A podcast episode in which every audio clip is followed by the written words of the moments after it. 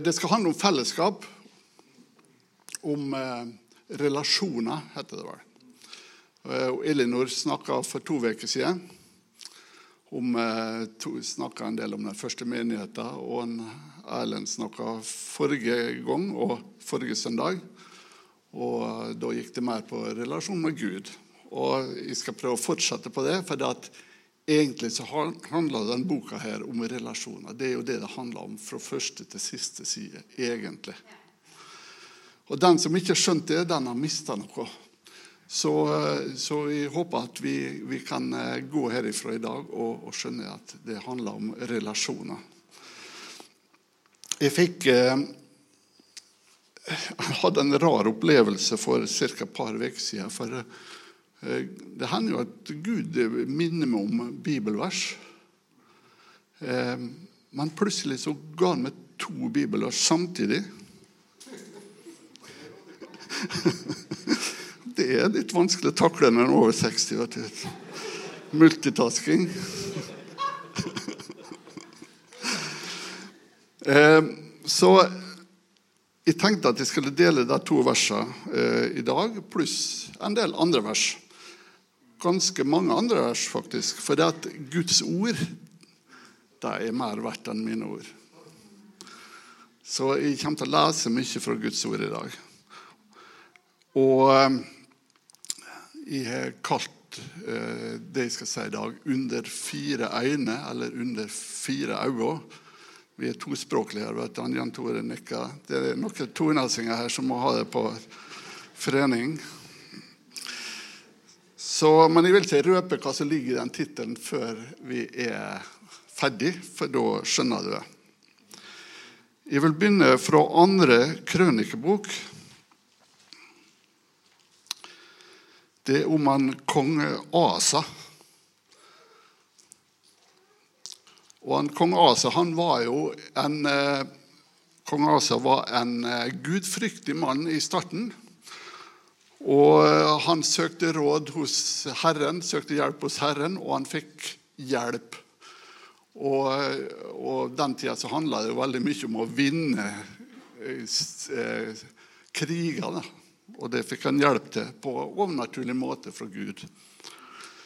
Men så skjedde det med kong Asa, slik som det skjer med så mange andre, at, og som det skjer med folk i vår tid òg, at vi begynner å stole på oss sjøl og søke hjelp på andre plasser. Og Derfor så kommer profeten til han, eh, kong Asa og sier, så sier han følgende i 2. Krønikerbok 6,9.: for Herrens øyne farer over hele jorden for å styrke dem som har et hjerte som er helt med ham. Styrke den som har et hjerte som er helt med ham. Det er vers 9 i 2. Krønikebok 16.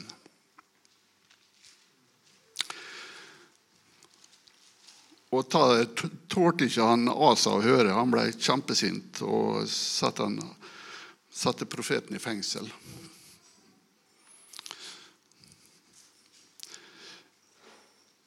Men det er egentlig det, det det handler litt om. Det å ha et hjerte som er helt med Han.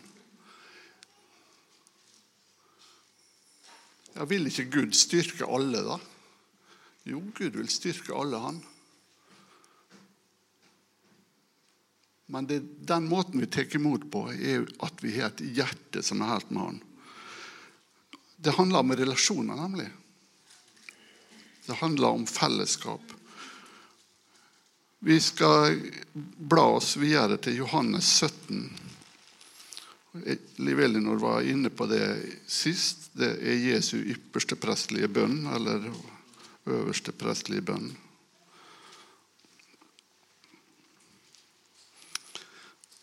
vers 3. Der står det Og dette er det evige livet, at de kjenner deg, den eneste sanne Gud, og Jesus Kristus, ham som du har utsendt. Det er så lett å tro at evig liv er en tidsperiode. Fra vi tar imot Jesus, eller kanskje fra vi dør. Noen som tenker at det er da det evige livet starter. Men det evige livet er ikke en tidsperiode. Det evige livet er en relasjon. Det evige livet er det å ha en relasjon med den evige Gud og med Jesus Kristus.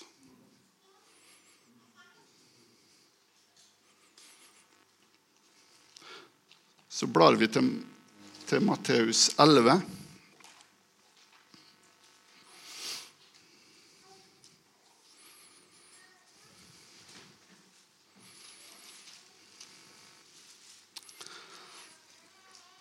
og ser på det ellevte verset.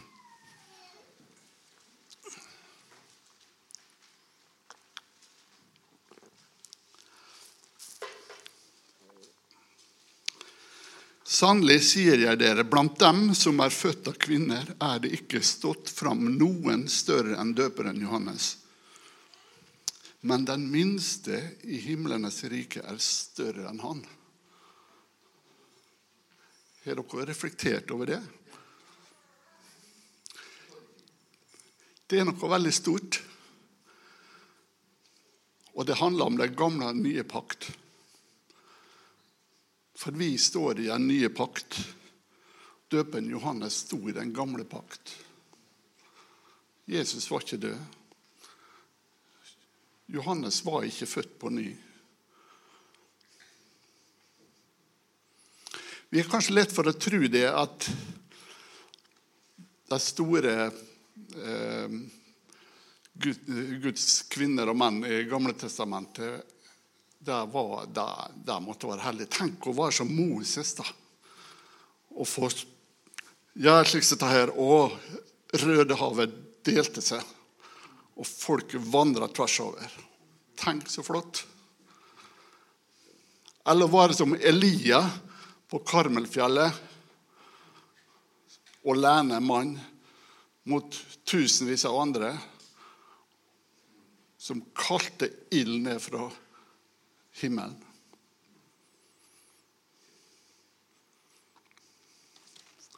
Vi hadde kanskje tenkt at hvis det var Moses som holdt preken her i dag, så måtte vi sørge for å få en prat med han etterpå og få høre hvordan var det virkelig å stå der og rette ut staven sin og få Rødehavet til å dele seg. Men vet du Jeg tror Moses ville ha spurt dem. Hvordan er det å leve i den nye pakt? Hvordan er det å være født på ny? Hvordan er det å ha Den hellige ånd? fortell meg om det. Hva du opplevd? Å ha Den hellige ånd inni det All åndens frukt er inni det. Hvordan er det? Du har Jesus sin. Hvordan er det? Vi står i en mye bedre situasjon. Vi står i en mye bedre relasjon.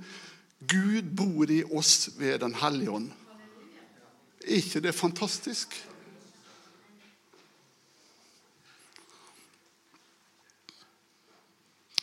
Så leser vi vers 12.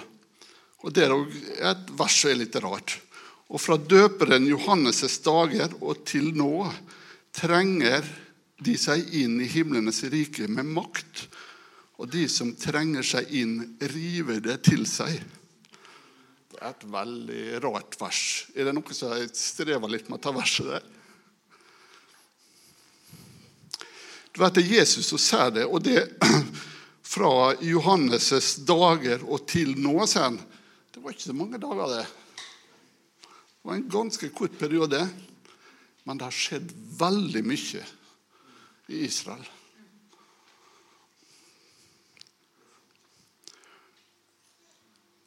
Og det var Jeg skal nevne to eksempel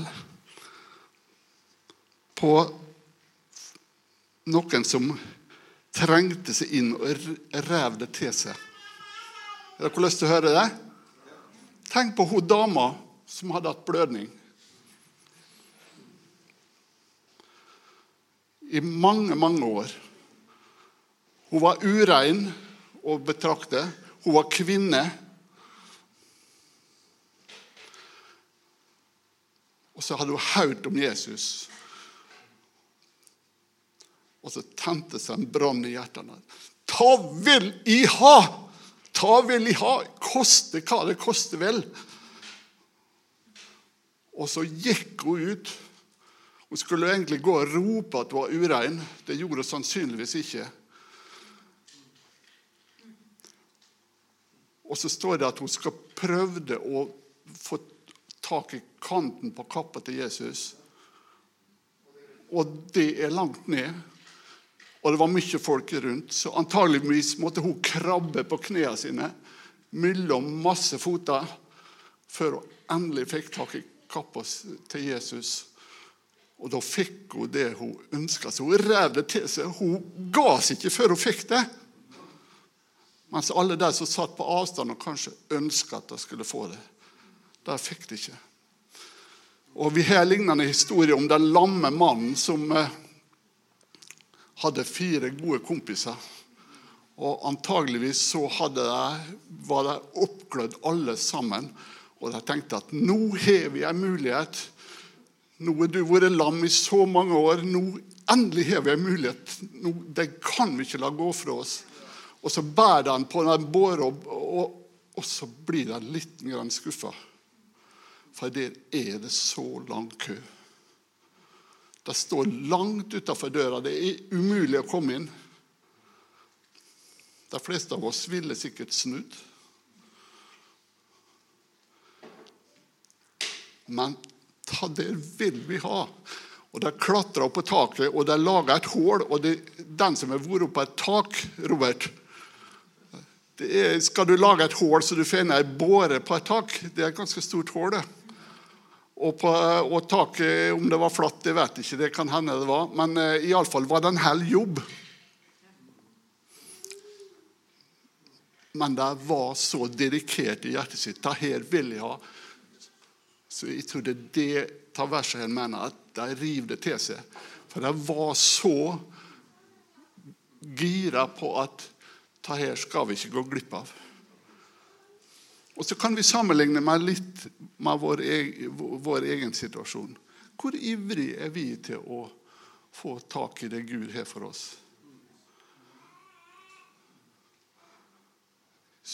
Er vi så ivrige at vi trosser alle motganger?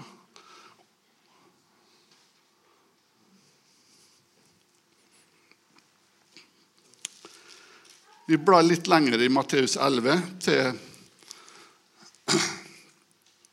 vers 28. Eh, Og Da kjenner vi det, det kjente vers. Kom til meg, alle dere som strever og bærer tunger byrder. Jeg vil gi dere hvile. Ta mitt åk på dere og lær av meg, for jeg er mild og ydmyk av hjerte. Og dere skal få finne hvile for sjelene deres. Ta et eh, ord som dere sikkert kjenner godt. Eh, men det er ikke så lett å forstå. Det gikk mange år at jeg, jeg eh, syntes at, at, vi skulle ta Jesu åk At de skulle ta Jesu åk på meg, det skjønte jeg ikke. Åk forbinder vi jo med noe veldig eh, Jeg forbinder noe negativt med åk. Å få et åg på skuldrene, det høres veldig tungt ut. Men det er ikke det det betyr. Jeg fikk et bilde en gang. Altså ikke et, oppi hodet mitt, men jeg fikk sendt det på mobilen min et bilde av en illustrasjon på hva dette egentlig handler om. Tenk dere en okse, to okser som står i midtgangen her. En liten en, det er du. En stor en, det er Gud. Over skuldrene på oksene så ligger det et tre som er liksom litt tilpassa okseryggen. Det er åket. I det treet er det festa en kjetting. Og kjettingen går bakover hit og her er plogen. Og så to oksene skal dra av der. Det geniale som de brukte å gjøre når de skulle lære opp nye unge okser til å gå sammen med de gamle, er det at de flytta kjettingen så nære den, den store, gamle oksen som mulig. Og da har dere lært sikkert om det i fysikken, om vektarm. At da var det den store oksen som drog 90% og den lille oksen drog 10% Da var det lett å dra det åket sammen med Gud, sammen med Jesus. Og vi har en bibelutgave som heter The Message, eller Message-bibelen. Eh, som egentlig ikke er en bibeloversettelse, men som er mer en slags parafrasering eller en tolkning av Bibelen. Slik omskrevet for at det skal bli lettere å forstå. Jeg er tillatt med å Den fins jo ikke på norsk, så vidt jeg vet. Iallfall så satt de her i går og oversatte det etter beste evne til norsk. Da. Og da, De to versene som jeg leste i stad, får da en litt annen ordlyd.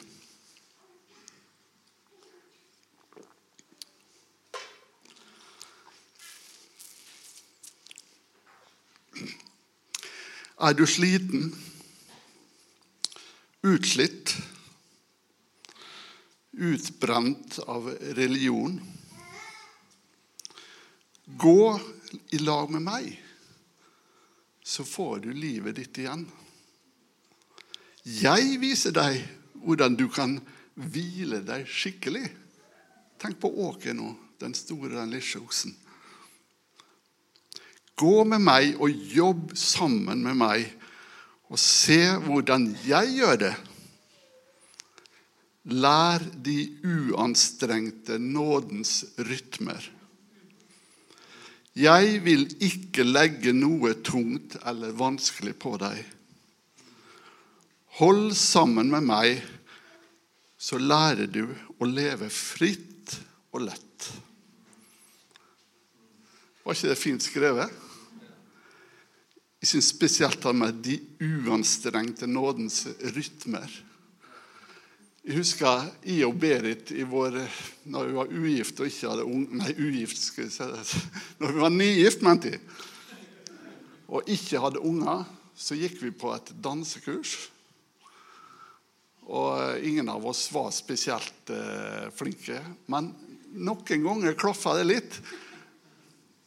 Og vi fikk noen skritt, og det det passa med rytmen. Og det, det kjentes så godt ut, altså. Å få svinge seg sammen med den du elsker mest. I en fin rytme. Og det er sånn Jesus vil svinge seg med oss. I en nydelig rytme. Kjempebra. Jeg går videre. Hebreerbrevet.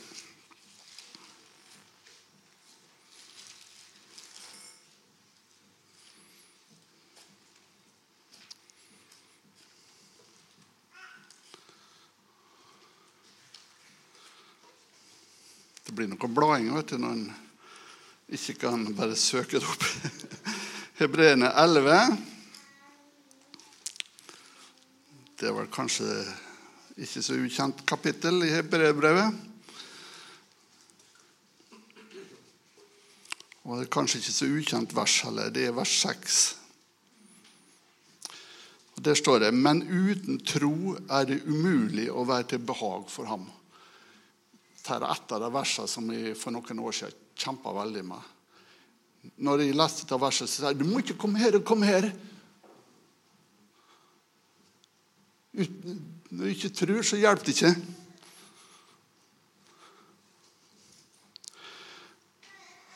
Men uten tro er det umulig å være til behag for ham. For den som kommer til Gud, må tro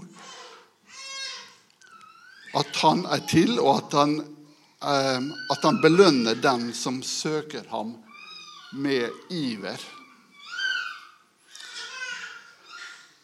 Altså, Jeg har jo skjønt at Tader er jo egentlig ikke Det er ikke noe pekefinger ute og går her. Jesus kommer ikke med noe pekefinger til meg. Men han prøver å gjøre meg oppmerksom på det at, at skal det bli noe, så må du vise at du vil. Jeg kan ta ei til historie om, om meg og Berit. Det, det var før vi var gift. Da bodde jeg i Bergen og hun i Oslo. Og så var det jo sånn at På den tida at det var ikke Internett og ikke mobiltelefon og ingenting. Det var noe, Skulle vi snakke med hverandre, så måtte vi ringe på en telefonkiosk. og Da måtte du ha lomma full av kronestykker, og så putta du på. Og så trilla jeg ned en fire-fem stykker i gangen, og så måtte jeg være snarere ha på noen flere. Og så datt det to siste ned, og så var det pip, pip, pip, pip. Så jeg husker en sånn gang jeg tror jeg hadde prata med Berit i telefonen, og så følte jeg at jeg Det var noe usagt. Det var noe som ikke var helt godt. Og det jeg gjorde da, snudde meg om på hælen, tærte over hvor mye penger jeg hadde, for ned på togstasjonen og tok nattoget til Oslo. Og så sto jeg der tidlig på morgenen og ringte på døra der hun bodde i lag med to andre jenter i et lite, gammelt hus. Jeg søkte om ei iver, for jeg var så glad til henne.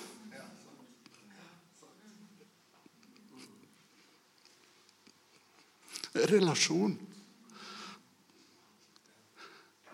Hvis vi er glad til Jesus, så søker vi han med iver. Det er ikke noe vanskelig i det hele tatt. Da kommer trua. Trua er jo egentlig en gave. Efeserbrevet 2,8. Av nåde er dere frelst ved tro. Det er ikke deres eget verk, men Guds gave. Det hviler ikke på gjerninger, så ingen kan rose seg.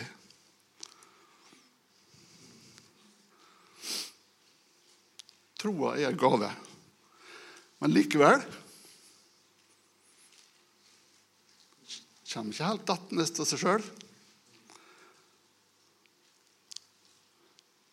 Vi må gjøre noe for å ta imot den gava.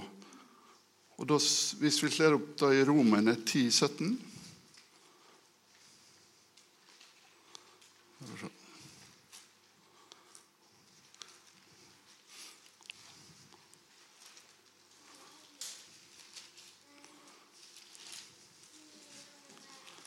Det fine med sånn papirbibler er jo at en får litt tid til å tenke mellom hver påstand.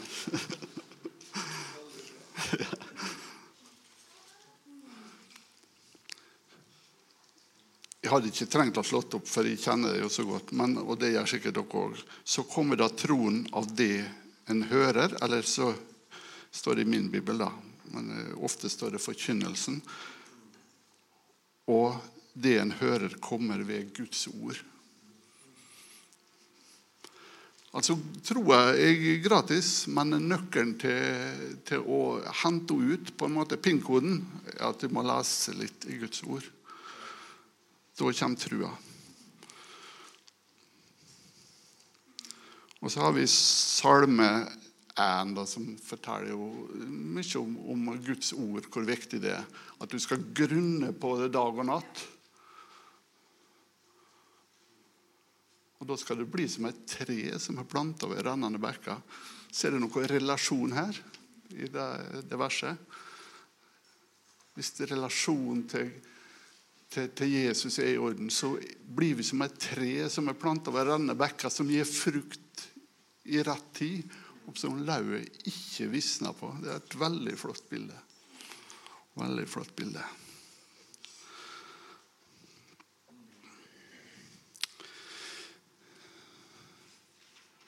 Jeg tror de må hoppe over noen av Det er litt mange vers på, på lista mi, men jeg tror vi går til Jeremia.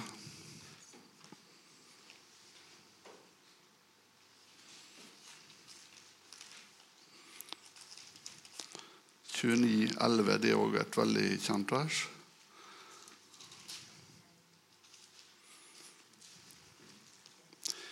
Det står jo, det verset som jeg ikke leste, det var fra Jesaja 55 om at Guds tanker er høyere enn våre tanker. Og det er ikke alltid så eh, Det er ikke alltid så lett å, å, å forstå hva Guds tanker er, for han eh, har så mye bedre oversikt enn det vi har. Men han har jo sagt en del om hva hans tanker er, da, og det står det bl.a. i Jeremia 29, 11. For jeg vet hvilke tanker jeg tenker om dere, sier Herren. Tanker til fred og ikke til noe ondt. Jeg vil gi dere framtid og håp.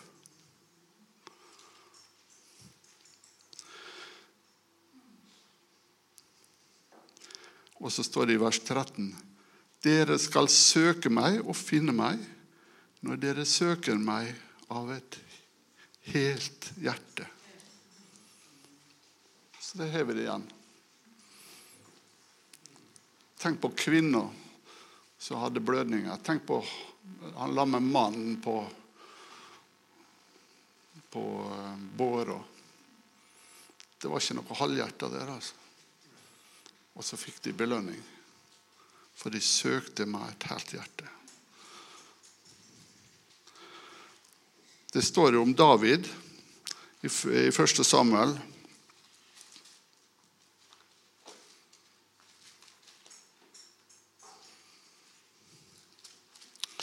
Første Samuel 13, 14.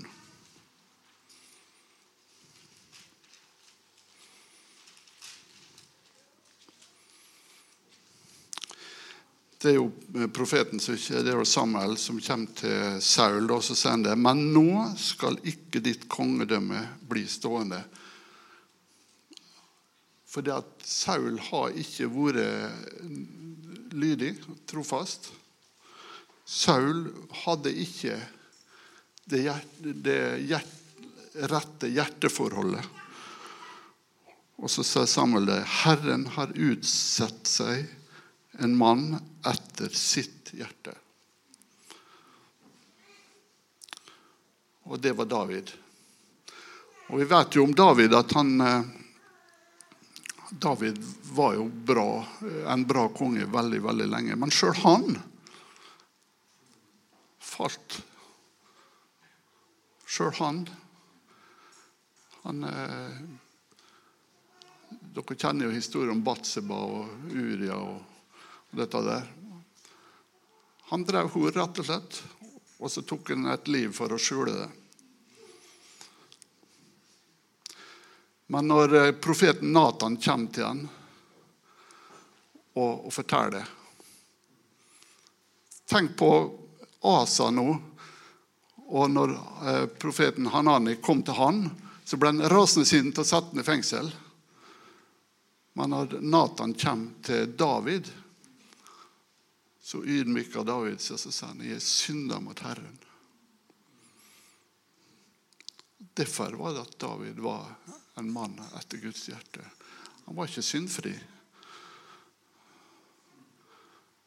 men han var ydmyk.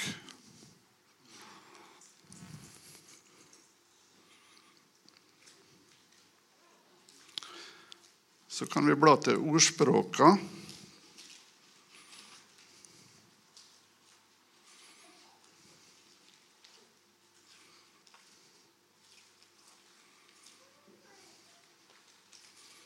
Det blir mer som et bibelstudium det her. mer enn ei preke. ja.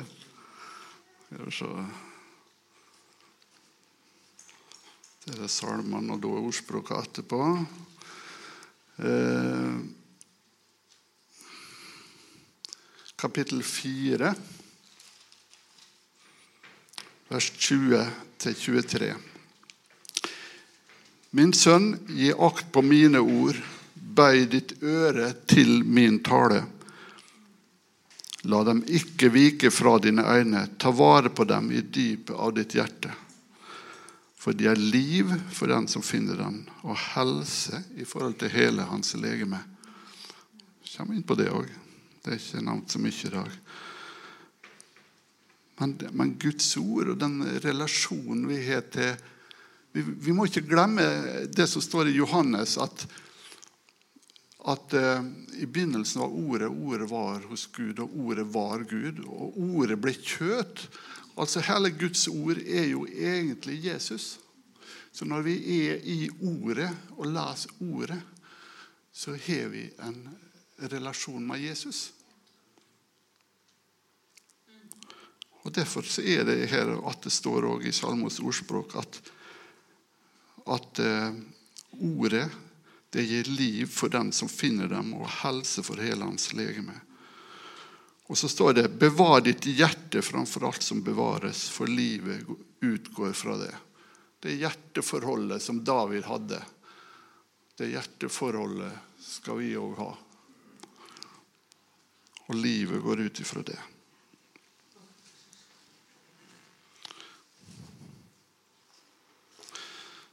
Så skal vi bla oss på slutten av Nytestamentet. Nå er det bare to vers igjen her.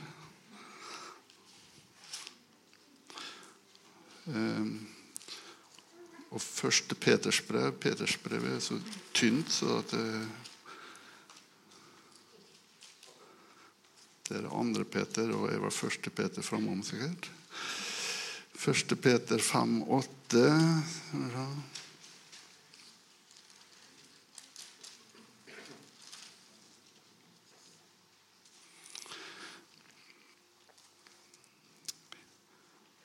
Så her var det andre verset jeg fikk. Jeg sa det at jeg fikk to vers. Det, ene, det første verset var det fra andre krønikerbok om at Guds øye fer over hele jorda for å se om å finne noen som er, har et hjerte som er helt med han. Det andre verset jeg fikk, var Vær edrue, vær årvåkne, for deres motstander, djevelen, går omkring som en brølende løve og søker noen han kan oppsluke.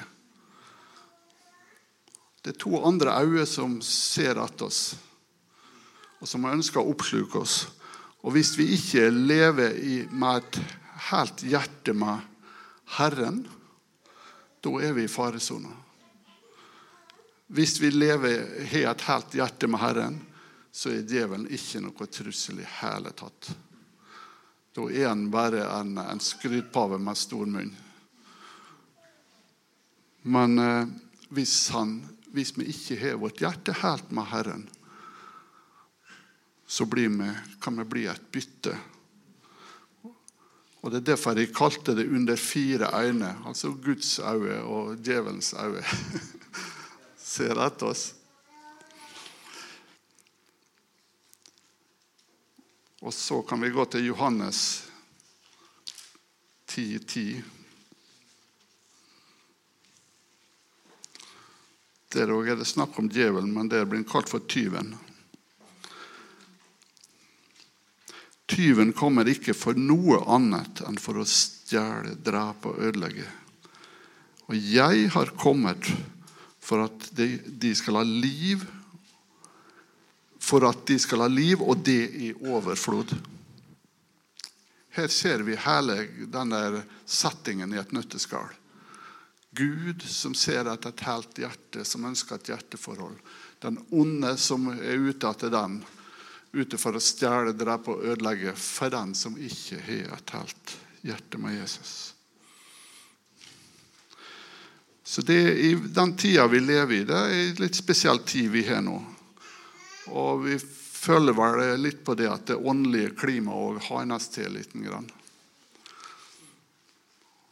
Og jeg tror det er enda viktigere enn noen gang at vi har et hjerte som er helt med Gud. Skal vi be litt til slutt. Kjære himmelske Far, jeg takker deg for at eh, du har dekka bord for oss. Like foran øynene på, på, våre fiender, like foran djevelen, har du dekka et festbord for oss. Men så har vi ikke skjønt at det er til oss, mange av oss. Og så har vi ikke forsynt oss slik vi skulle på det bordet. Men kjære himmelske Far, vi takker deg for at du vil varme og åpne øynene våre. Gjennom ordet ditt så vil du åpne øynene våre over hva vi har i det, slik at vi til fulle kan forsyne oss av alt det gode du har for oss. Amen.